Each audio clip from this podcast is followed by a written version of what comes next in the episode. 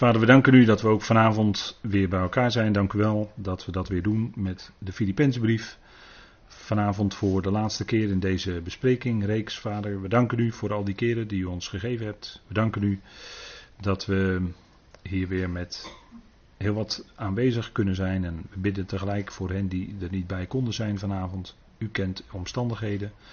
U weet wat nodig is daarin. Vader, dank u wel dat u altijd nabij bent. En dat u ook heeft voorzien in de afgelopen avonden, een paar seizoenen lang, vader, waarin we deze brief hebben kunnen bespreken. Dank u wel dat u dat mogelijk heeft gemaakt. Dank u wel voor die genade. Dank u wel dat u het bent, vader, die ons steeds opnieuw de kracht geeft. En vader, dat wat nodig is om dat door te geven wat vanuit uw woord naar voren komt. Vader, mag ook dat zo vanavond zijn. Mag dat zo zijn tot opbouw en bovenal, Vader, mag het zijn tot lof en eer van u, wetend dat u alle dingen uitwerkt. Vader, bedank u daarvoor in de machtige naam van uw geliefde Zoon, onze Heer Christus Jezus. Amen. Goed, ik wilde met u lezen de versen die nog aan de orde zijn. Dat is uh, Filippenzen 4, vers 19 tot en met 23. En we lezen daar: Mijn God nu zal iedere behoefte van jullie vervullen in overeenstemming met zijn rijkdom in heerlijkheid in Christus Jezus. Onze God en Vader nu, zij de heerlijkheid in de eonen van de eonen. Amen. Groet iedere heilige in Christus Jezus. De broeders die bij me zijn, groeten jullie. Al de heiligen groeten jullie, maar vooral die uit het huis van de keizer zijn. De genade van de Heer Jezus Christus zij met jullie geest. Amen. Tot zover. En we zijn gebleven bij blad, bij hoofdstuk 4, vers 19. De woorden die we gelezen hebben. En ik heb de titel voor vanavond dan meegegeven. Alle eer aan God. En dat kan ook niet anders. God onze Vader, die krijgt alle eer voor alles. Dat is gewoon duidelijk voor ons. En we hebben geleerd uit deze brief van de ootmoedige gezindheid van Christus Jezus die zich in alles en in uh, alle omstandigheden onderschikte aan de wil van de Vader. Daaruit bleek zijn ootmoedigheid. En niettemin heeft ook hij gehoorzaamheid geleerd uit hetgeen hij heeft geleden. Dat moeten we nooit vergeten. Maar zijn ootmoedige gezindheid is eigenlijk de kern van deze hele Filipijnse brief. En in die gezindheid zouden ook wij ons dienstbetoon en doen en ons leven voeren, ons leven leiden. Ook al brengt dat voor ieder van ons, en dat is ongetwijfeld het geval, lijden en verdrukkingen mee, met zich mee. En we zouden leren van onze Heer, die zich daarin ootmoedig schikte in die omstandigheden. En eigenlijk de omstandigheden ook eh, ontvangen als zijnde uit de hand van God. Hè. Dat hebben we ook in het laatste hoofdstuk gezien met elkaar. En Paulus was er altijd op uit om alle eer alleen aan zijn God en Vader te geven.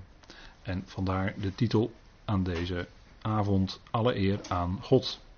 En Paulus begint dan voor vanavond dan dit stukje met mijn God.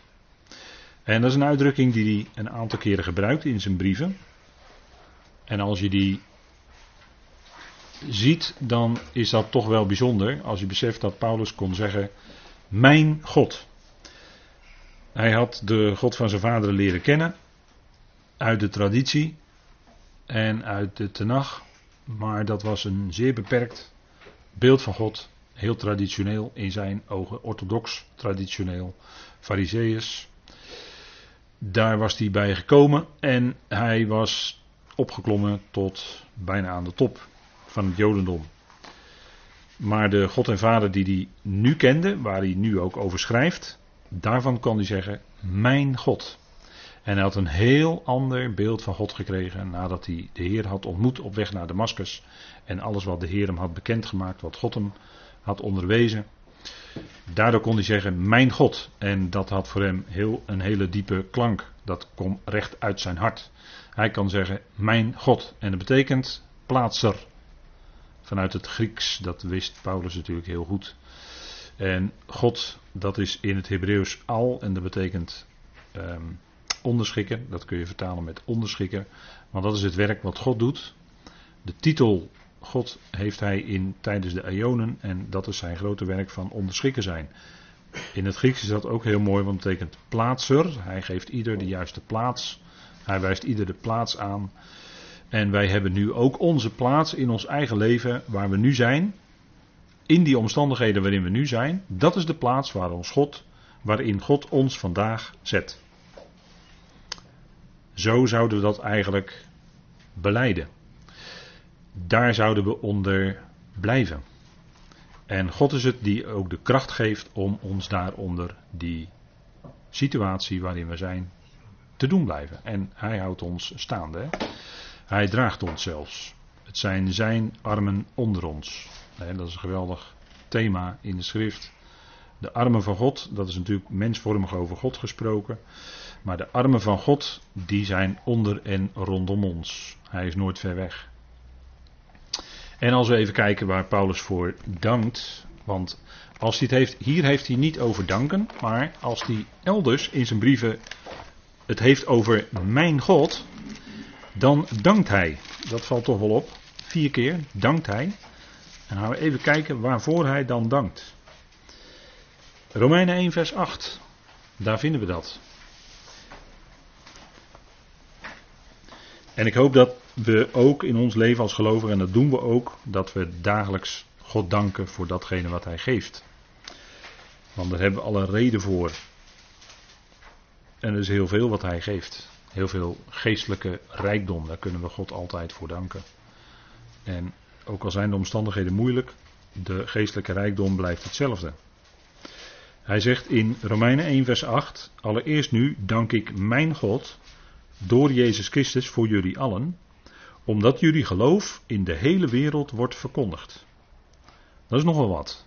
dat geloof van die gelovigen, daar wordt verkondigd over de hele wereld. Over de hele toenmalige wereld was dat bekend geworden. Dat is nogal wat. En daarvoor dankte Paulus God dat hij dat had uitgewerkt. Hun geloof, en dat is ook het thema natuurlijk voor deze tijd, hè, dan gaat het uitsluitend om geloof zonder werken. En dat wordt ons tot de rechtvaardigheid gerekend of gerechtigheid gerekend. Geloof zonder werken, dat is ook het thema van de Romeinenbrief. En dat werkt ook in ons leven uit dat wij ons onder datgene wat wij horen ook stellen. Dat betekent gehoorzamen. Hè? Dat betekent dat je je stelt onder dat wat je hoort uit het evangelie. Hè, het evangelie gehoorzamen, dat is het thema van de Romeinenbrief ook. Dat is de uitwerking van het evangelie. Het draait natuurlijk om het evangelie, maar de uitwerking ervan is gehoorzaamheid. Want dat staat in vers 5. Daar staat in Romeinen 1, door hem hebben wij de genade en het apostelschap ontvangen tot geloofsgehoorzaamheid onder alle heidenen, natieën, ter wille van zijn naam. En Paulus noemt dat ook nog een keer in het laatste hoofdstuk, helemaal aan het eind komt hij erop terug. Geloofsgehoorzaamheid, dat ze zich stellen onder dat wat ze horen uit het evangelie. Dat is geloof. dat is dan de gehoorzaamheid uit het geloof. Dus dat is niet de gehoorzaamheid onder de wet, maar het gehoorzaamheid van het geloof. Daar maakt Paulus duidelijk onderscheid in, in Romeinen 9 tot 11. Dat, het, dat zijn verschillende principes. Gehoorzaamheid van de wet is de situatie van werken. Maar de gehoorzaamheid van het geloof is datgene wat het evangelie wat hij bracht uitwerkt. En waaronder de gelovige zich ook zou stellen. Dus die geloofsgehoorzaamheid. En dat geloof wordt dus in de hele wereld verkondigd. En dat geloof is ook kunnen wij, als we vandaag de dag even kijken, in Nederland uitgegaan. Dat geloof in dat geweldige evangelie, dat God niet alleen de redder is van de gelovigen, of van degenen die het aanvaard hebben, want dat klinkt nog Arminiaans, maar de, het geloof van Jezus Christus, daar gaat het om. Het geloof van Jezus Christus. En dat blijkt toereikend te zijn tot redding van allen. En daarvoor zou ik dan de heel veel gelovigen in Nederland willen oproepen om Romeinen 5 eens dringend te bestuderen. Want Romeinen 5 is luid en duidelijk, vers 12 tot en met 21.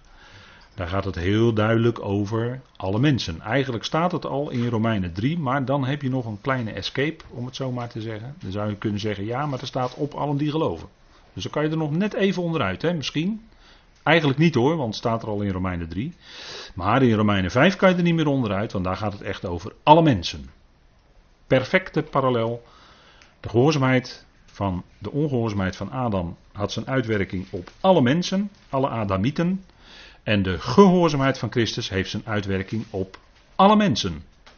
Diezelfde alle mensen als vanuit Adam, dus die hele mensheid. Dat zegt Romeinen 5. En als je het eerlijk gewoon alleen de tekst en niet de traditie, maar als je alleen die tekst volgt, Romeinen 5, dan kom je er ook achter en dan moet je gewoon eerlijk zijn. Het staat er gewoon, alle mensen. Het staat niet alle mensen die geloven, het staat alle mensen. dat is mijn bezwaar als men er onderuit wil. Dan gaan ze de tekst beredeneren, eigenlijk wegredeneren, maar dat klinkt zo onvriendelijk. Maar dan gaan ze beredeneren en dan gaat men ervan maken, nee, het gaat bij in Christus, bij Christus gaat het om allen die geloven. Nee, nee, nee. Het gaat om alle mensen. Staat er niet. Het gaat om alle mensen. En dat is gewoon luid en duidelijk. Dat, dat is de waarheid, dat is wat er staat. Goed, gaan we even kijken. Dat geloof, dat geloof, dat is ook dus in Nederland uitgegaan.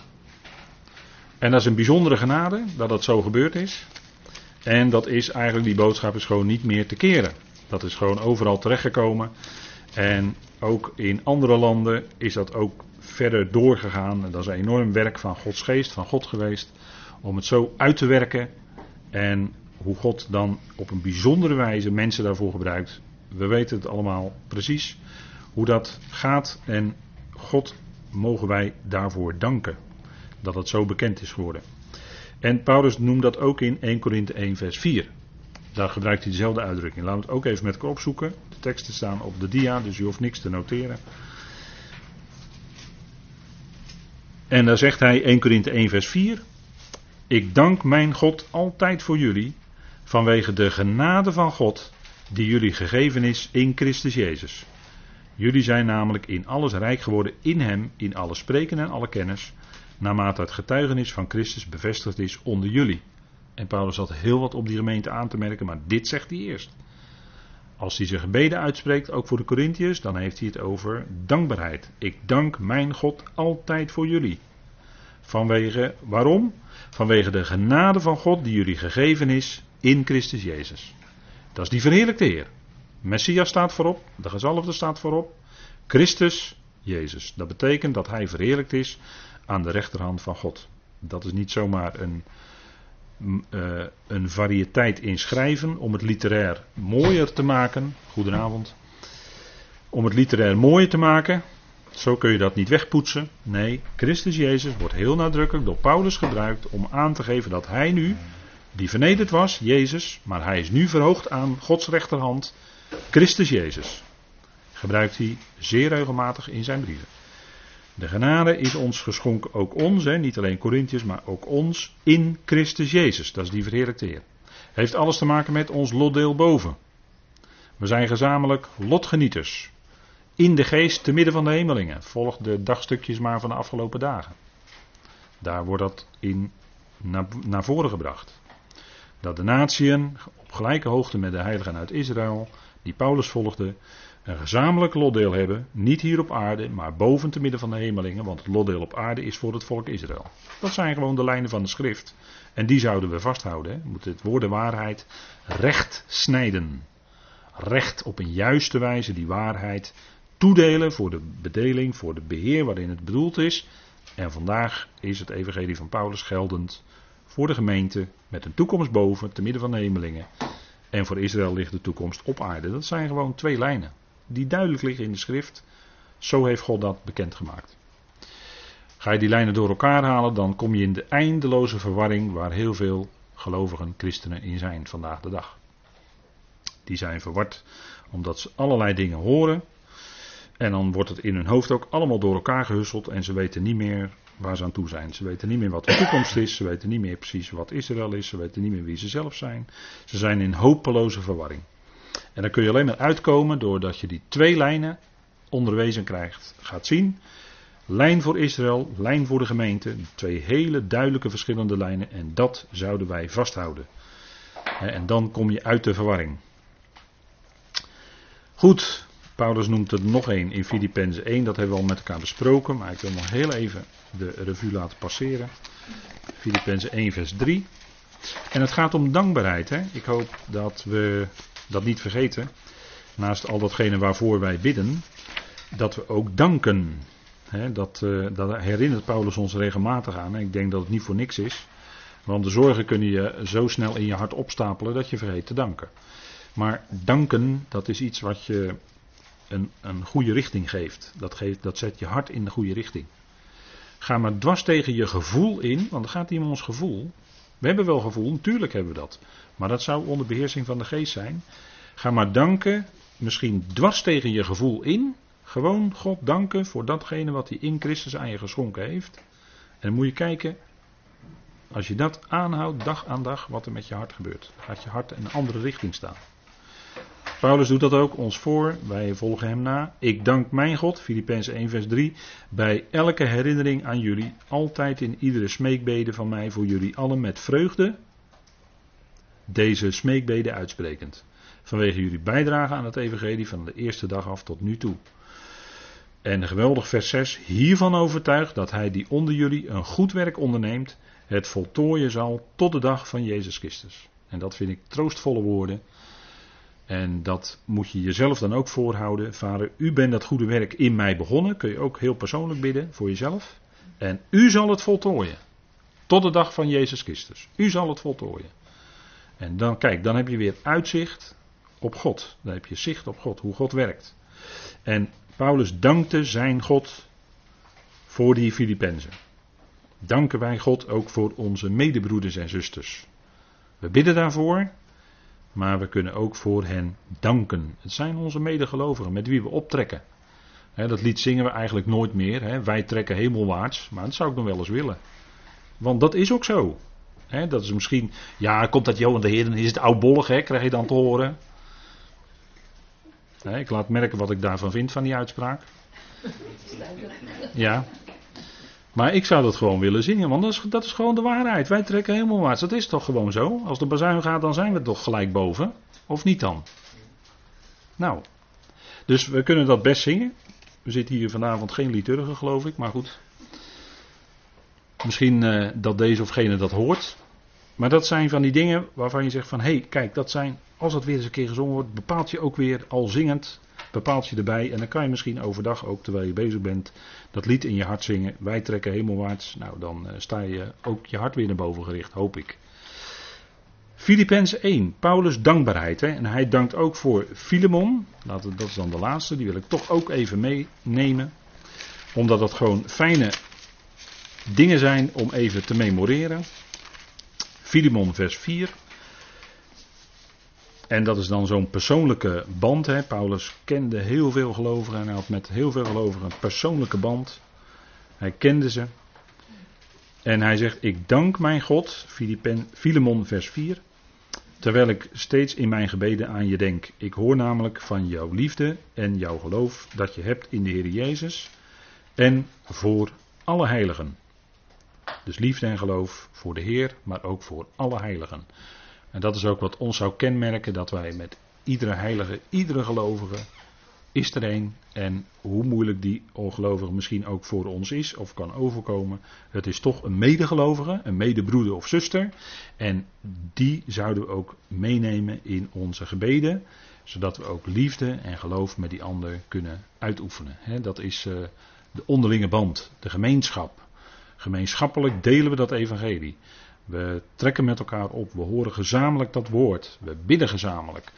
Uh, dat, is een, dat is een optrekken naar, naar de Heer, naar de toekomst. En, en dat is wat we met al die heiligen delen, overal ter wereld. En dan maakt het niet uit waar je bent. Maar als je echt de geloven ontmoet, dan is daar die band. Dan deel je dat wat je mag weten uit de schrift. Misschien maar soms minimaal wat je dan met elkaar delen. Met anderen misschien meer. Maar dat zijn gewoon fijne momenten als die ontmoetingen er kunnen zijn. Filemon was ook zo iemand. En die werd nuttig. Hè? Hij was, uh, ja, Filemon is een mooi briefje. Gaat over de weggelopen, weggelopen slaaf Onesimus. Die eerst niet nuttig was, maar later wel. En dan zie je ook hoe de Heer in mensenlevens werkt. Ook was het in Paulus' eigen leven natuurlijk gebeurd. Hij was eerst helemaal niet nuttig in de dienst van de Heer. Integendeel zelfs. Hij verwoestte de gemeente van God, de toenmalige gemeente van God. Was hij bezig te verwoesten. De Heer greep hem en hij keerde hem om en hij maakte hem tot nut. Hij maakte hem nuttig in zijn dienst. En dat doet hij ook met ons. Hij heeft ons geroepen en zo werd ons leven nuttig voor God. En dat is het bijzondere wat God doet. Nou, ik dank mijn God. En als we Filippenzen 4 vers 19 mijn God nu lezen, dan heeft dat voor u een beetje, hoop ik, wat meer achtergrond. Hè? Kun je daar nog eens aan terugdenken. Van hé, hey, wacht even, waar dankte Paulus nou eigenlijk voor? En dat kan ik ook doen. Dat kan ik hem nadoen. Dat, is, uh, dat, zijn, dat is denk ik een fijn, fijn punt. Mijn God nu, en dat is een hele mooie tekst vind ik, mijn God nu zal iedere behoefte van jullie vervullen. Dat is heel rijk hoor, wat hier staat. Mijn God nu zal iedere behoefte van jullie vervullen. En daarin hoor je wat in de schrift al geklonken heeft. Dat is die naam van God. Die klinkt in Genesis. Yahweh Jireh. Dat wil zeggen, de Heer zal zien. De Heer zal voorzien, zit er dan tegelijkertijd in. Want als hij ziet, als hij omstandigheden ziet, dan zal hij ook tegelijkertijd voorzien, dus datgene geven wat nodig is, wat hij nodig vindt. En iedere behoefte staat hier, hè, hij zal iedere behoefte van jullie vervullen. Dat wil niet zeggen dat hij al onze materiële behoeften die wij graag willen hebben, geeft. Nee, hij geeft in deze tijd geestelijke zegeningen. En op het moment dat je iets nodig hebt, wat hij nodig, hè, waarin, waarin echt gebrek is, dan geeft hij datgene wat nodig is.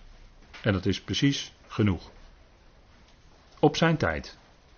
Op zijn tijd met hoofdletter. Geeft hij dat wat nodig is. En dat is vooral in geestelijk opzicht de behoefte die we hebben. En ook de Heer had bij zijn volk al voorzien, dat is het voorbeeld uit de nacht. Als we dat er heel even bij pakken, die enorme woestijnreis, daar kijkt Mozes dan op terug. Als we het heel even erbij pakken, Deuteronomium 2, vers 7. Dan zien wij hoe God voorziet bij zijn volk. En dat ging dan wel degelijk om dagelijkse dingen die ze echt nodig hadden voor hun om te, in leven te kunnen blijven.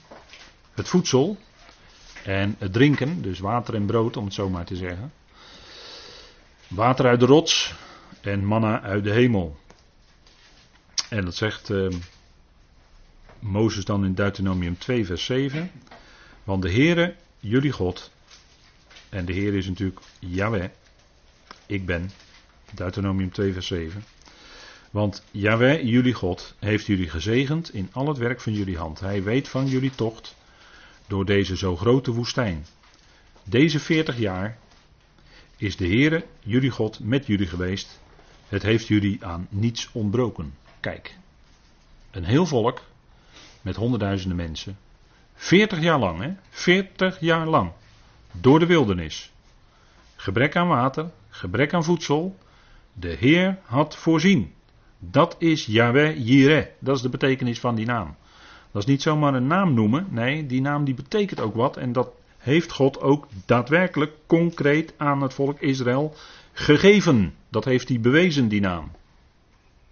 Hij had niet alleen bewezen bij Abraham toen die met Yitzchak op Moria was. En in de naam Moria zit ook dat zien. En dat, dat is heel mooi, maar dat moet je uit de tekst, hè, dat, dat lees je uit de Hebreeuwse tekst terug. Maar daarvoor zag de Heer in het ram te brandoffer. En dat zei Abraham van tevoren. En hij zei ook van tevoren: Als wij aangebeden hebben, zullen wij terugkeren. En Abraham overwoog daarbij, zegt Hebreeën 11, dat God bij machten was zijn zoon Isaac uit de dood terug te geven. Te doen opstaan, op te wekken. Dat zegt de Hebreeënbrief. Dat was geloof van Abraham. En dat is, dat is dan echt geloof. En dan ga je echt in geloof. Als je dat van tevoren zegt. En dat is heel bijzonder. En de Heer maakte die naam waar. 40 jaar lang bij de tocht door de woestijn van het hele volk Israël. Yahweh, Jireh, de Heere zal voorzien. De Heere zal voorzien. En dat is een geweldig iets, hè? En Psalm 34 spreekt daar ook over. Laten we even met elkaar opzoeken, het staat ook op de dia. Maar Psalm 34, toch ook wel een bijzondere psalm. Dat is een van die psalmen die, waarvan de versen ook een Hebreeuwse letter meekrijgen. En Psalm 34 is er ook zo een. Psalm 34. En dan ga ik met u even lezen uit uh, deze psalm vanaf vers 7, maar het gaat om vers 10. Deze ellendige riep en de Heer hoorde. De Heer laat nooit een bidden staan. Hè? Hij verlost hem uit al zijn benauwdheden. De boodschapper van de Heer legert zich rondom hen die hem vrezen en redt hen. Proef en zie dat de Heer goed is. Welzalig of gelukkig de man die tot hem toevlucht neemt. He, daar heb je dat weer. En hierin klinkt Psalm 1 door. He. Gelukkig de man. Gelukkig de man. Psalm 1. He. Gelukkig de man. En dan gaat het in Psalm 1 om die zijn woord dag en nacht overpeinst. En hier dezelfde uitdrukking. Gelukkig de man die tot hem toevlucht neemt. Gelukkig die mens. Proef en zie dat de Heer goed is. Als je dat eenmaal geproefd hebt, als je dat eenmaal gesmaakt hebt, dat de Heer goed is, dan wil je meer. Dan krijg je honger en dorst naar meer van Hem. En dat, dat, dat gaat dan nooit meer over. Dat houdt nooit meer op. dat je honger hebt naar meer. Omdat je geproefd hebt dat de Heer goed is. Dat Jaweh goed is. Dat hij je voorziet, ook al zijn de omstandigheden misschien gebrekkig. Paulus kende ook honger en dorst. Maar hij wist dat de Heer goed is. En de Heer zorgde voor hem. En dan gaat het om vers 10. Vrees Jaweh, jullie zijn heiligen, want wie hem vrezen hebben geen gebrek. Hij voorziet. En wat is nu het bijzondere dat deze psalm, en als u een herziene statenvertaling heeft, dan staat het er ook bij. Dan krijgt ieder vers een Hebreeuwse letter. En dat is in de Hebreeuwse tekst opgenomen. En dit tiende vers heeft de letter Jot. Jot. En op deze dia heb ik de letter J twee keer rood aangegeven. Want dat is allebei de beginletter van deze benaming van de Heer. Yahweh, dat begint ook met de letter J. Dat is de tiende letter van het alfabet. En Jireh begint ook met de J. En dit hier in Psalm 10 is ook de letter J. Vers 10, daar hoort de letter J bij. En die letter J, dat is eigenlijk de hand. Dat is de hand. En dat is eigenlijk de hand die je overschaduwt, hè, want het is de enige letter die wat hoger, u ziet het ook, die wat hoger in de, in de lijn van schrijven hangt. Hè. Die hangt als het ware in, boven je, die hangt als het ware in de lucht. Hè. Dat is de enige letter, voor de rest staan ze allemaal op de onderste lijn.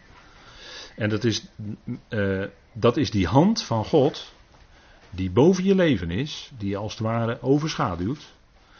En die in rust is. De hand van God rust op je. En die voorziet in wat nodig is. En als die moet voorzien in wat nodig is, dan wordt het de letter kaf, dat is de volgende letter in het Hebreeuwse alfabet. En dat is ook de hand, maar dan is het de hand die uh, veel groter getekend is en die op de grond rust. Dat is de actieve, werkende hand van God. Maar dat is dan de volgende letter. Maar hier zien we dus, hè, de naam Yahweh en Jireh beginnen allebei met die Jot. Dat is die hand van God die over je leven is. En dat, dat blijkt ook uit vers 10. Blijkt ook het vers 10 van Psalm 34. Daarom staat ook die letter J daarbij. Vrees de Heer, u zijn heiligen, want wie hem vrezen, hebben geen gebrek. Die hand van God is over hun leven. Ziet u het verband? En dat is zo bijzonder, dat blijkt dus uit die Hebreeuwse teksten. Dat blijkt uit die benamingen van God. En ik vind Yahweh Jireh een van de mooiste benamingen, omdat daaruit zo blijkt dat God voorziet. God ziet niet alleen, hè, dat woord ra'a, dat, uh, dat heeft te maken met zien of uh, dan tegelijkertijd voorzien. En de Heer voorziet in wat nodig is. Hij, zal, hij weet natuurlijk van tevoren in welke situatie wij morgen zijn, of volgende week zijn, of volgende maand.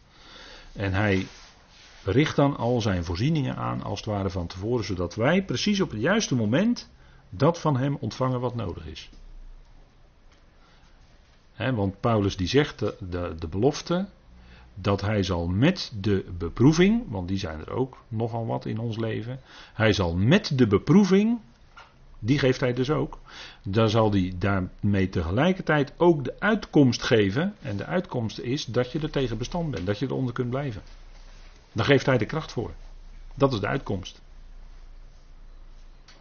Hij neemt de omstandigheden niet weg, maar hij geeft in die omstandigheden wat nodig is om eronder te kunnen blijven. En dat is het bijzondere zoals God werkt. En dat daarin, als je dat zo leest en dat komt op je af en Paulus schrijft dat, dan hoor je ook die naam Yahweh Jireh daarin doorkomen. Dat, dat sluit dan op elkaar aan. Hè? Natuurlijk wist Paulus dat. Die kennen zijn tenag natuurlijk tot en met. En zo met die gedachte zal hij ongetwijfeld geschreven hebben. Jawel, we hebben nog meer namen van God hè, in de schrift. Als u uh, bijvoorbeeld Psalm 23 leest, dan leest u in vers 1: De Heer is mijn herder. Daar staat eigenlijk Yahweh Roi. En in dat Roi, daar zit ook dat zien in. we vertalen het dan met herder, omdat er dan uit de context wordt er gesproken over oases waarin hij ons brengt. Niet in grazige weiden, maar hij brengt ons in oases. Want je moet, de setting is natuurlijk het Midden-Oosten. De setting is niet uh, Engeland of Nederland met groene grasvelden. Maar de setting is het Midden-Oosten met wildernis. En in die wildernis of in die woestijn heb je af en toe een oase. Bijvoorbeeld Mara en Elim. Met twaalf waterbronnen en zeventig palmbomen. Dat is een oase. En daar brengt hij ons in. Op, op zijn tijd, op de juiste tijd, de verkoeling, de schaduw die hij geeft. Maar voor ons dan geestelijk gezien. Natuurlijk niet letterlijk, maar geestelijk gezien. Geeft hij die oase, geeft hij die rust, geeft hij die vrede die we nodig hebben in die omstandigheden. Dat is de Heer. Ja, is mijn. Ik heb wel een beetje moeite met die vertaling. En het is een hele geliefkoosde tekst door heel veel christenen. Maar letterlijk, strikt genomen, is die natuurlijk bedoeld voor Israël. Of allereerst voor de Heer zelf, maar ook voor Israël. die, die werden gebracht ook in oases. Maar wij zouden dat dan op onszelf alleen geestelijk kunnen toepassen. Dat de Heer in geestelijk opzicht voorziet. In de nood. Dat Hij er is, dat Hij nabij is. En dat we beseffen dat Hij die omstandigheden doet samenwerken tot het goede.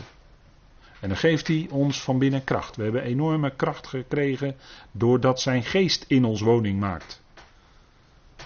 De geest van God maakt in ons woning. En de geest van Christus heeft ons onze geest tot leven gewekt. Dat is in ons. Dat is een enorme voorziening van geest. We zijn verzegeld met heilige geest van de belofte. En, en dat is in ons een enorme krachtbron waardoor we leven kunnen. Ook al zijn de omstandigheden moeilijk. Ook al zijn we lichamelijk heel beperkt. En, dat is, en ook al is dat lijden van ons dagelijks intens. En dat is helemaal niet makkelijk. Dat is moeilijk. Maar ook in, in dat lijden geeft God die uitkomst, dat wil zeggen, toch van binnen dat stukje vreugde, wat nodig is om die dag dan weer door te komen. Of die komende uren alleen maar door te komen. Als het heel moeilijk is. En zo zijn er meer namen van God te noemen. De Heer die geneest. De Heer is onze banier. De Heer is onze vrede. De Heer is er. He, Yahweh Shammai, dat is het einde, de laatste vers van uh, Ezekiel. dat is die stad, met, uh, dan is daar die stad natuurlijk in Israël, en dan is daar die geweldige tempel van Ezekiel die hij beschreven heeft. En dan is het geweldige dat er staat Yahweh Shammai. Daar eindigt Ezekiel mee. De Heer is daar. De Heer is daar. De aanwezigheid van de Heer is daar. Dat is het geweldige, wat Israël zal meemaken in de komende aion. En voor ons is dat al dagelijkse realiteit. We hebben het gelezen in Filippenzen 4. De Heer is nabij. De Heer is nabij. Ook daarin klinkt door Yahweh Jireh. De Heer die voorziet. Dus niet, uh, hij voorziet in onze behoeften die we nodig hebben. En waar hebben we behoefte aan? In onze omstandigheden. Daar hebben we behoefte aan dat we van binnen rust hebben en vrede met God niet alleen vrede met God, maar die vrede van God. Daar gaat het over, in Filippenzen 4. Gaat nog een hele stap verder hoor. De vrede van God. Die dan je hart en je denken als het ware beschermt en daarin rust geeft. Al die gedachten die jou met jou op jacht waren, die komen tot rust wanneer je de zaken bij God bekend maakt en aan God kan overgeven. En, en, en dat is misschien ook wel de reden waarom wij soms in lijden en verdrukkingen komen. Want dat is een hele leerschool. De reden daarvoor is, dat kan zijn, laat ik voorzichtig, want ieder, voor ieder persoonlijk is de situatie weer anders. Maar de reden daarvoor kan zijn dat wij leren alleen op God te vertrouwen. Alleen op Hem. Geen escapes meer. Geen eigen dingetjes meer. Nee, alleen op Hem vertrouwen. Alles bij Hem bekendmaken. Onder, onder dankzegging. Met het besef dat Hij het uitwerkt tot het goede. En dat zegt Paulus ook in 2 Korinthe 1, als hij getroost is in die omstandigheden. En dat was opdat hij niet op zichzelf zou vertrouwen, zegt hij daar. Hè? Leest u die versen maar door, 2 Korinthe 1, vers 10 tot 13 ongeveer. He, opdat, hij zegt, we zo'n verdrukking moesten wij ondergaan, opdat wij niet op onszelf zouden vertrouwen, maar op God. Die de doden opwekt, zegt hij dan. Dat is het punt, hè. De mensen houdt het nog zo lang vol, ook een gelovige houdt het nog zo lang vol, om hier en daar in bij gelegenheid nog op zichzelf te vertrouwen. Of op eigen wijsheid.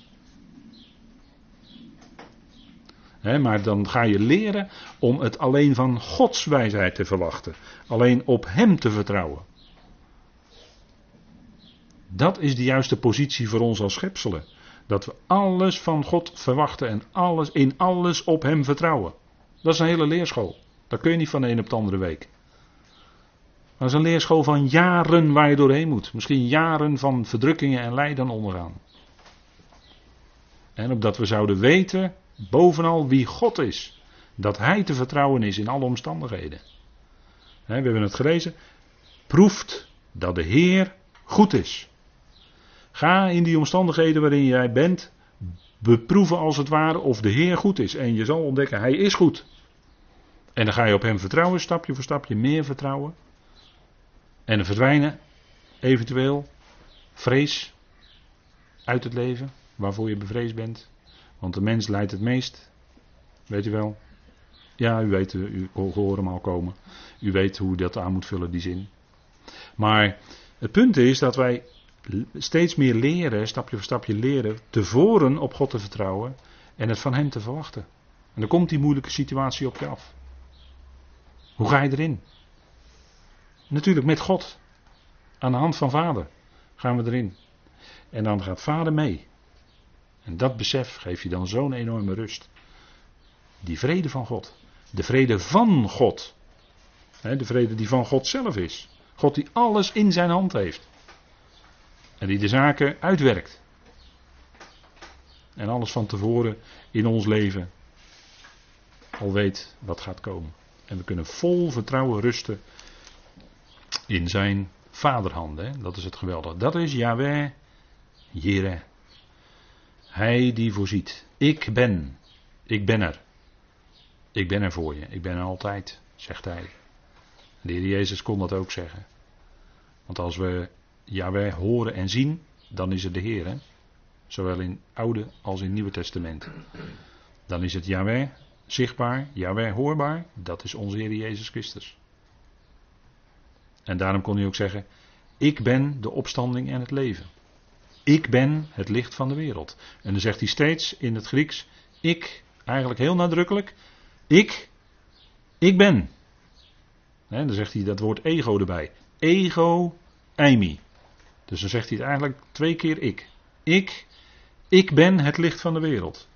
Ik, ik ben de opstanding en het leven. En dat is het geweldige, daarin maakt hij bekend wie hij is. En dat is die hand van God. Ik had het over de J, hè, die letter J. Maar dat is de hand van God ook in ons leven. De hand van God die boven ons leven is. Die ons overschaduwt. En die voorziet in wat nodig is. En op het moment dat echt nodig is, wordt die hand ook actief. En geeft wat nodig is. Ik denk toch een uh, punt. Hè? Paulus zegt: Mijn God nu zal iedere behoefte van jullie vervullen. Dat is een belofte. En dat doet hij ook. Paulus wist dat uit ervaring. God maakt zijn woorden waar en geeft wat nodig is. In overeenstemming, en dat is dan het volgende deel van de zin, in overeenstemming met zijn rijkdom in heerlijkheid. En let op dat er staat, en dat lijkt wel heel precies, heel, misschien wel te precies voor sommigen, maar er staat niet uit zijn rijkdom of van zijn rijkdom. Want dan zou het nog, wijze spreken, een onderdeeltje van zijn rijkdom kunnen zijn. Maar hij geeft, hij vervult, hij voorziet in overeenstemming met zijn rijkdom. En dan wordt het ineens heel veel. Want als die geeft in overeenstemming met rijkdom. Kijk, als, als eh, een rijk iemand aan jou uit zijn of haar rijkdom iets geeft. dan kan hij jou 10 euro geven. Dat is dan uit die enorme rijkdom. Maar als een heel rijk iemand jou naar zijn of haar rijkdom geeft. ja, dan wordt het al snel 100.000 euro. Begrijpt u? Simpel voorbeeld, hè?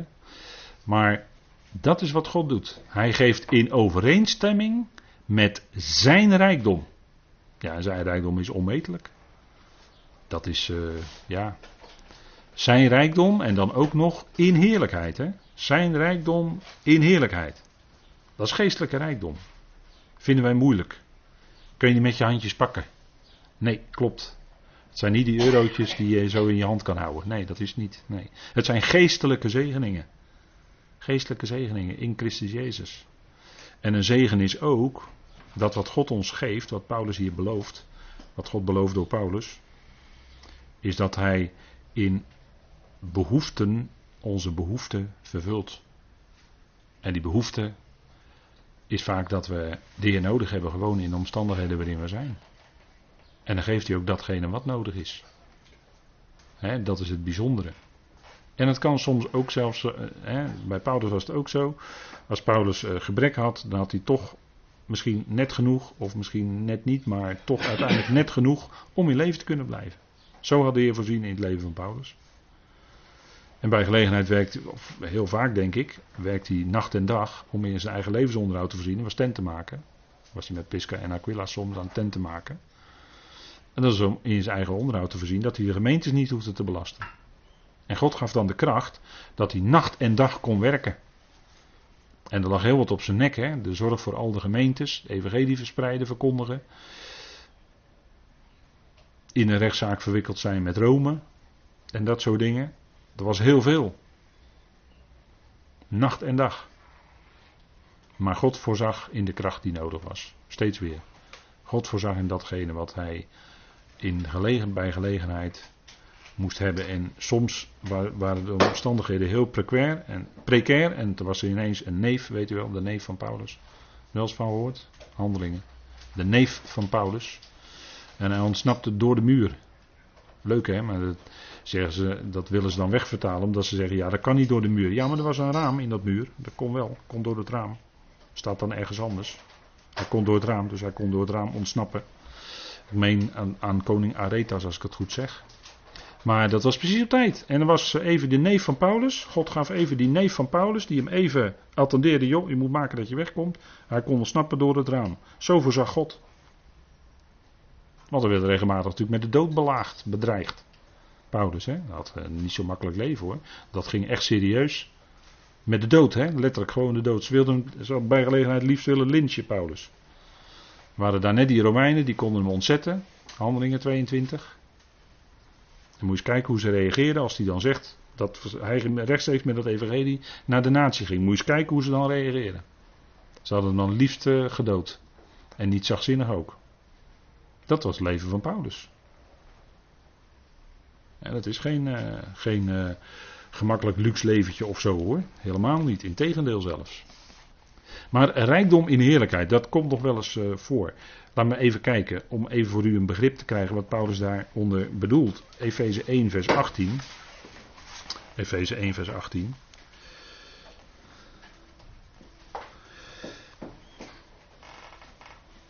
En daarin is Paulus in gebed. En u moet dus opletten hoe vaak Paulus in gebed is in de Efezebrief. Dat is voortdurend gebed. En er staat op vers 17, Efeze 1, vers 17, opdat de God van onze Heer Jezus Christus, de Vader van de heerlijkheid, jullie geeft een geest van wijsheid en onthulling in erkenning van Hem. Dat is het gebed van Paulus voor de gelovigen. En dat kunnen ook wij Hem nabidden. Dat kunnen wij Paulus nabidden. Voor elkaar. Voor onszelf, voor elkaar, voor alle heiligen. Verlicht zijnde de ogen van jullie hart. Opdat jullie zien wat de verwachting van zijn roeping is. En wat de rijkdom van de heerlijkheid van zijn lotgenieting is te midden van de heiligen. Aan die dingen kunt u ook mededenken. Als Paulus het heeft over in overeenstemming met zijn rijkdom in heerlijkheid. En wat het werkelijk inhoudt, zullen we straks zien als we ook te midden van de hemelingen zijn. Dan zullen we dat zien. In volheid wat dat inhoudt. En Paulus heeft het ook daarover in Efeze 3, vers 16. Dat we ook even met elkaar opzoeken. Efeze 3, vers 16. En ook daar is Paulus in gebed. Vers 14, hè? Efeze 3, vers 14. Bekende woorden, denk ik, voor u. Ten behoeve hiervan buig ik mijn knieën voor de Vader van onze Heer Jezus Christus, naar wie iedere vaderlijke verwantschap in de hemelen en op aarde genoemd wordt, opdat Hij jullie geeft, in overeenstemming met de rijkdom van Zijn heerlijkheid, daar hebben we weer, hè? de rijkdom van Zijn heerlijkheid, in kracht standvastig gemaakt te worden door zijn geest in de innerlijke mens. En dat is wat we ook zouden bidden voor elkaar. Hè? Dit bidt Paulus voor de gelovigen en heiligen. En dat zouden we ook voor elkaar bidden en voor onszelf. Want het is nodig dat wij in kracht standvastig gemaakt worden door zijn geest in de innerlijke mens. Dat heb je nodig hoor. Als daar die verdrukkingen en dat lijden, als dat allemaal komt. Dan heb je dat nodig. Dat heb je nodig als er allerlei wind van leer om je heen blaast. En dat is vandaag de dag volop aan de gang. Is er allerlei wind van leer. En heb je nodig dat je standvastig gemaakt bent. Innerlijk, hè, de innerlijke mens gaat het om. Dat je standvastig gemaakt wordt in die innerlijke mens. Geestelijk gezien. En dat je niet omvergeblazen wordt door allerlei wind van leer. En het is er zoveel. Er is zoveel wind van leer. En wind is natuurlijk een beeld van geest, uiteraard, u begrijpt dat. De heer Jezus vergeleek dat met elkaar. Maar er is overal, geesten zijn aan de gang. En die geestelijke druk wordt steeds groter. En dat zie je aan allerlei dingen. Ik zou een hele lijst kunnen noemen. Waaruit blijkt dat de geestelijke druk op de mensen steeds groter wordt. En je ziet naar de een naar de ander. Mensen vallen om en gaan mee met de tijdgeest, om het zo maar te zeggen. Ze vallen om. En ze gaan mee in de tijdstroom. En het wordt steeds donkerder, het wordt steeds meer duister geestelijk gezien. Er is allerlei wind van leer. En christenen gaan ook om. Gelovigen gaan ook mee. Was in Paulus al zo. De een die ging naar die richting. Denk maar aan de Galaten. De ander ging naar een andere richting. En men ging men zocht allerlei eigen dingen. Laat ik het zo maar even noemen. Men zocht allerlei eigen dingen. Maar het punt is dat we, hebben het nodig om standvastig gemaakt te worden in die innerlijke mens. En daartoe is nodig ook dat je dat woord steeds beter leert kennen, omdat je daarin je wortelt en grond, hè, in, in die liefde van Christus, geworteld en gegrond in de liefde, de liefde van God. Dat is punt. Dat is een groei in ons leven. Steeds meer standvastig gemaakt te worden. En heel dicht blijven bij die woorden van het geloven, van het uitstekende onderricht. Paulus is tegen Timotheus heel ernstig in zijn brieven. En dan wijst hij ook op allerlei wind van leer. En dat Timotheus ook daarop zou wijzen. dat die gelovigen zouden blijven bij die genade. En niet zich laten meenemen door allerlei dwaalleraren. Moet u maar eens lezen, hè? 1 Timotheus 1, u weet waar ik het over heb. Allerlei dwaalleraren. En daar werden de mensen door meegevoerd. Vandaar dat Paulus het eerste wat hij zegt tegen Timotheus, dat is het punt. Die dwaalleraren. En je zegt ze dat ze blijven bij de genade van Christus Jezus. Dat is het punt, dat is heel belangrijk. fundament, dat is de kern van Paulus' evangelie. Christus en dan de heerlijkheid en daar het laatste puntje van de rijkdom en heerlijkheid. Colossense 1 is dat, maar daar gaan we natuurlijk misschien nog aan toekomen. Weet ik niet, maar misschien wel. Vers 27. Colossense 1, vers 27. Daar gaat het ook over de rijkdom van de heerlijkheid. Hè. Die heerlijkheid is zo groot dat Paulus het woord rijkdom erbij moet zetten. Om dat nog meer aan ons duidelijk te maken. Hè. Hoe groot die heerlijkheid is.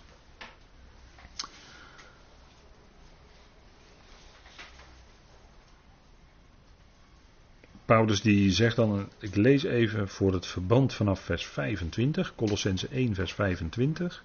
Van haar werd ik dienaar in overeenstemming met het beheer van God, dat mij gegeven is voor jullie, om het woord van God compleet te maken. Het geheimenis dat weggehouden was van de eonen en van de generaties, maar dat nu openbaar gemaakt werd aan zijn heiligen, aan wie God bekend wil maken wat de rijkdom van de heerlijkheid van dit geheimenis is onder de natieën dat is Christus onder jullie, de verwachting van de heerlijkheid. De rijkdom van de heerlijkheid van dit geheimenis is dus dat Christus nu, geestelijk gezien, te midden van de natieën wandelt. Dat betekent het Christus onder de natieën. In de vertaling wordt steeds vertaald, vaak vertaald met Christus in u. Maar hier gaat het om een meervoud en dan moet je eigenlijk vertalen onder jullie, omdat het een meervoudsvorm is.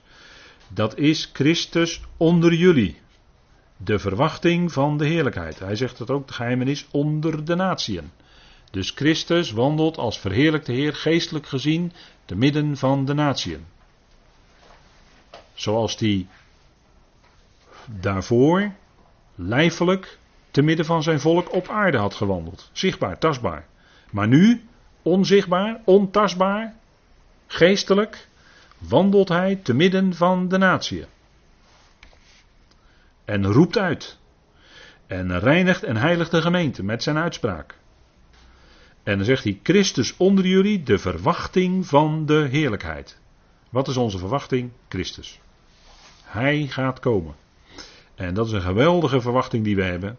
Christus onder jullie, dat is de rijkdom, de inhoud van de rijkdom van het geheimenis. Wat te maken heeft met de gemeente. De gemeente. Die een bijzondere positie heeft. Boven. Ja, en dat geheimenis is, uh, zegt Paulus, is groot. Geheimenis is groot. Maar dat is een enorme rijkdom. De rijkdom van zijn heerlijkheid. Dat is onvoorstelbaar veel. Hè? Heerlijkheid heeft te maken met licht, hè? met uitstraling. Heerlijkheid van Christus is dat hij zich onderschikt aan de Vader. Dat is een van zijn heerlijkheden, zijn onderschikking. Een heerlijkheid van Christus is dat hij zal zijn op aarde zichtbaar koning van de koningen en heer van de heren. Dat is zijn positie. Dat is ook zijn heerlijkheid. Dus dat is ook een uitstraling. Hè? Hij is koning van de koningen. Alle koningen vallen dan onder hem. En die vallen ook bij hem in het niet, om het zo maar te zeggen. Hij zal regeren met opperste wijsheid. En een andere heerlijkheid van Christus is dat hij het hoofd is van het lichaam, de uitgeroepen gemeente. Dat is ook zijn heerlijkheid.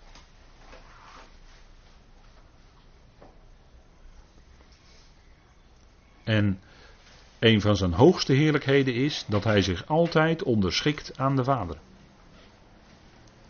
Dus zijn houding die hij uitstraalt, dat is ook zijn heerlijkheid. Hè? En als de Heer ons vervult met zijn heerlijkheid, dan houdt dat in dat onze, onze houding ook iets gaat uitstralen. dat is niet hocus pocus of zo, helemaal niet, integendeel zelfs.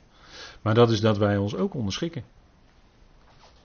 Dat wij uitstralen, dat we ons onderschikken aan de Heer en zijn woord. Dat we ons onderschikken aan de gegeven situatie waarin we zijn. En als we dat doen, dan is dat een stukje heerlijkheid van God die in ons leven zichtbaar wordt. Hoe onze houding is onder verdrukkingen en lijden. Hoe we ons verhouden ten opzichte van onze vijanden. Dat wij niet zelf vijandig terugreageren, Maar dat we verzoenend terugreageren. Dat is ook een stukje heer, dan wordt een stukje heerlijkheid van het evangelie in ons zichtbaar. Dat is heerlijkheid. Dat is vrucht. Heerlijkheid is vrucht. Is kavot in het Hebreeuws. Dat is zwaar en dat is vrucht. En als we die kwaliteiten van de geest, als die in ons leven zichtbaar worden, is dat de heerlijkheid van God die in ons leven zichtbaar wordt. Moet je nagaan dat in u en in mij als, als eenvoudige, nietige mensjes de heerlijkheid van God zichtbaar wordt. Moet je nagaan. En, en op deze dia staat de heerlijk, in heerlijkheid in Christus Jezus. En Paulus die ging van heerlijkheid tot heerlijkheid. Hè? Hij mocht steeds meer bekendmaken van die geweldige heerlijkheid. Steeds meer bekendmaken van het grote werk van Gods geest in deze tijd. Dat God mensen uitroept en zet in een speciale bediening. En mensen tot ootmoedige mensen maakt. Want een mens van, vanuit zichzelf is hoogmoedig, is eigenwijs. Dat zeg ik in één adem, ja. maar ootmoedigheid, daaruit blijkt dat je geen wijsheid van jezelf verwacht, maar dat je alle wijsheid van God verwacht. we hebben geleerd, dat de, uit de Tenach leren we al, dat de vrees van de Heer is het begin van de wijsheid. Dat is het begin, de startpunt. Zo spreekt spreuken daarover, hè. En psalm. Maar dat is nog maar aan het begin. Als je de Heer gaat vrezen, dan vrees je ook zijn woord. En als dat gaat doorwerken in je leven, dan gaat die wijsheid ook toenemen.